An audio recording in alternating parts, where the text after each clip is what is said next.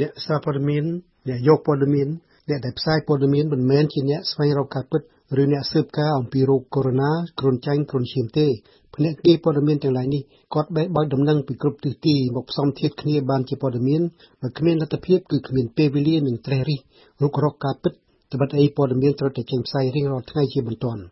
បន្ទាន់ជាងនេះទៀតក្នុងកលៈទេសៈបច្ចុប្បន្ននៅលើសមរភូមិកូវីដ -19 អ្នកសារព័ត៌មានណាក៏ថតចម្លងតាមគ្នាជាបន្តបន្ទាប់ ប្រាប់អ្នកអានអ្នកស្ដាប់ថានៅប្រទេសនេះមានស្លាប់ប៉ុន្មានអ្នកនិងធ្លាក់ខ្លួនឈឺប៉ុន្មានទៀតថាតើអ្នកជំងឺបានទទួលការព្យាបាលប្រភេទណាដែររីឯអ្នកដែលត្រូវបានជាសះស្បើយរួចហើយគេយល់យ៉ាងណាអំពីការដែលរួចពីស្លាប់នេះ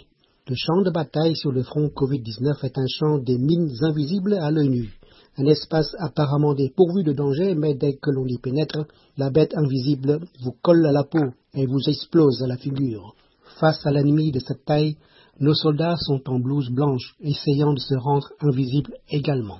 Leurs munitions sont des médicaments, avant et après l'intubation des malades en réanimation tels que le propofol, le midazolam, la morphine, la consommation de ces molécules a augmenté jusqu'à plus de 2000%.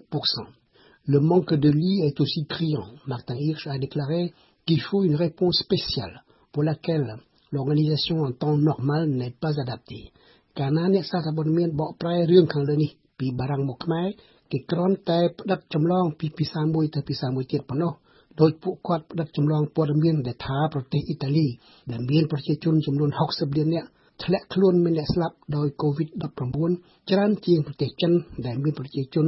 រហូតដល់ទៅ1កោតនិង400លាននាក់ឯណោះពាក្យថាច្រើនជាង ពាក្យនេះសំដៅទៅទូរលេខពិតជាក់ស្ដែងមួយ រីឯការពិតគឺគេត្រូវវិភាគលើចំនួនប្រជាជនមុននឹងស្រ័យប្រាប់អ្នកស្ដាប់ថាស្រុកអ៊ីតាលីមានមនុស្សស្លាប់ច្រើនជាងនៅស្រុកចិនដល់ឡែកប្រសិនបើវែកញែកអំពីបណ្ដាញព័ត៌មាននិងសិទ្ធិសេរីនៃការផ្សព្វផ្សាយទូរលេខស្ដីអំពីកូវីដ -19 នេះគេអាចយល់ដឹងភ្លាមថារវាងប្រទេសទាំងពីរនេះប្រទេសណាមួយបើកចំហព័ត៌មានឲ្យមានសេរីភាពហោះហើរដើររត់ជាងប្រទេសមួយទៀតដែលហាក់ដូចជាគៀបរឹតបន្ថយចំនួនអ្នកស្លាប់កុំឲ្យបែកខ្ចោះចាយ Balzac disait que les qualités du journaliste sont, j'ouvre les guillemets, le brillant et la soudaineté de la pensée. Fermez les guillemets. Le mot brillant vise sans doute la qualité de l'analyse faisant émerger une pensée soudaine. Cela ne va sans dire qu'une analyse dont le but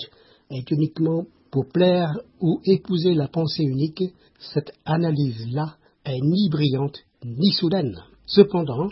restons dans le domaine des nouvelles brutes sans exégèse journalistique. Que penser dès lors des chiffres de 38 morts au Japon sur 125 millions d'habitants et d'un seul décès enregistré le 19 mars dernier à Taïwan sur 23 millions d'habitants Vu que ces pays sont mieux lotis que la France, l'Italie et l'Espagne face au Covid-19, Nicolas Bavarez tire les leçons des seules stratégies efficaces des trois pays, Japon, Corée du Sud et Taïwan, lesquels ont assuré, j'ouvre les guillemets, une forte capacité de pilotage et de coordination des acteurs par l'État, la mise à disposition de l'ensemble de la population de matériel de protection et des tests, le recours massif aux technologies numériques et l'appel au civisme des citoyens. Protétotrom, Vontrokol Odom Odom Rukhaksawi, Mero Corona, Vimon Bandai Oinonamne, Ruklon Balai, ត្តមឬខាត់ខ្សោយមេរោគកូវីដ -19 វាមិនបណ្ដាលឲ្យនរណាម្នាក់រួចខ្លួនបានឡើយដរាបណាអ្នកនោះឯងមានការប្រមាថដែលព្រះពុទ្ធអង្គទ្រង់ត្រាស់ព្រានប្រដៅថាអវិជ្ជានោះបាននិយាយឲ្យស្រួលស្ដាប់គឺអ្នកដែលមិនដឹងតាំងខ្លួនជាអ្នកចេះអ្នកដែលមិនខ្មេះធ្វើជាគ្រូគេ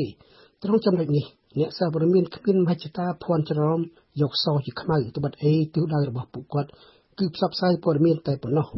បារដ្ឋមន្ត្រីសុខាភិបាលបារាំងឈ្មោះវេរ៉ង់ស្រែកប្រកាសថាកុំអោយពាក់ម៉ាស់មុននឹងដឹងខ្លួនខុសថាសុំអើយប្រជាជនពាក់ម៉ាស់វិញព័ត៌មាននេះ ត្រូវបានផ្សព្វផ្សាយជាព័ត៌មានដ៏សាមញ្ញរួចស្រេចទៅហើយសូម្បីតែការកត់សម្គាល់របស់លោក Bavares ដែលចាត់ទុកប្រទេសជប៉ុនកូរ៉េខាងត្បូង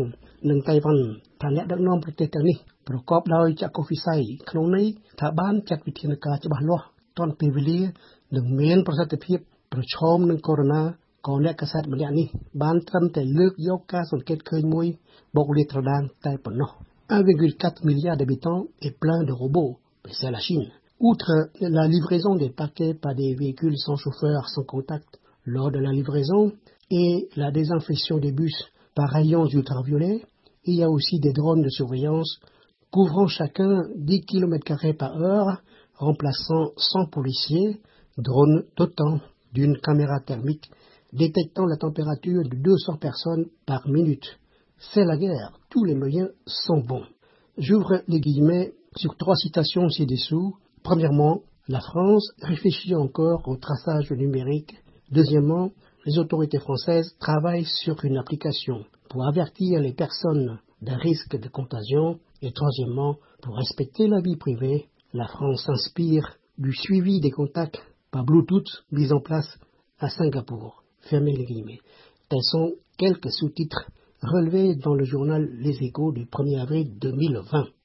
ប្រទេសជឿនលឿនដោយស្រុកបារាំងដែលបានឆ្លងកាត់សង្គ្រាមលោកទី1និងទី2ស្រែកប្រកាសសង្គ្រាមប្រឆាំងនឹងកូវីដ -19 ដោយដូរផែនការភ្លាមភ្លាមម្ដងថាប្រជាជនអាចទៅមើលកុនមើល account ដូចធម្មតា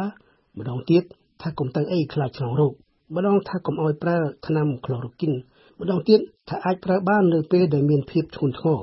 អ្នកកាសែតដែលមានទស្សនៈភ្លឺស្វាងហើយស្វែងយល់ដឹងភ្លាមភ្លែតនោះ Le Brillant et la Soudaineté chez Azabazac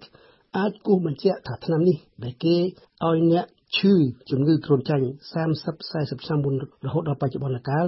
គួរតែឲ្យដល់អ្នកកើតរោគកូវីដ -19 ភ្លាមភ្លាមដោយដែលសាស្ត្រាចារ្យពេទ្យឈ្មោះ Raoul បានចាត់វិធានការបែបនេះតែឯងចែកជូនអ្នកជំងឺនៅក្រុង Marseille នោះអីចឹង Pour conclure Antoine Colonna aux valeurs actuelles numéro 43-48 après avoir loué certains pays asiatiques ayant su tirer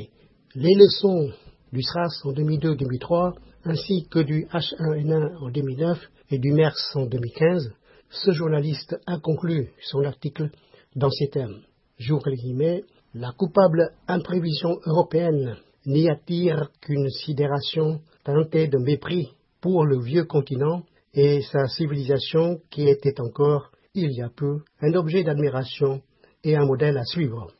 Merci, chers auditeurs, d'avoir écouté. Au revoir et à bientôt.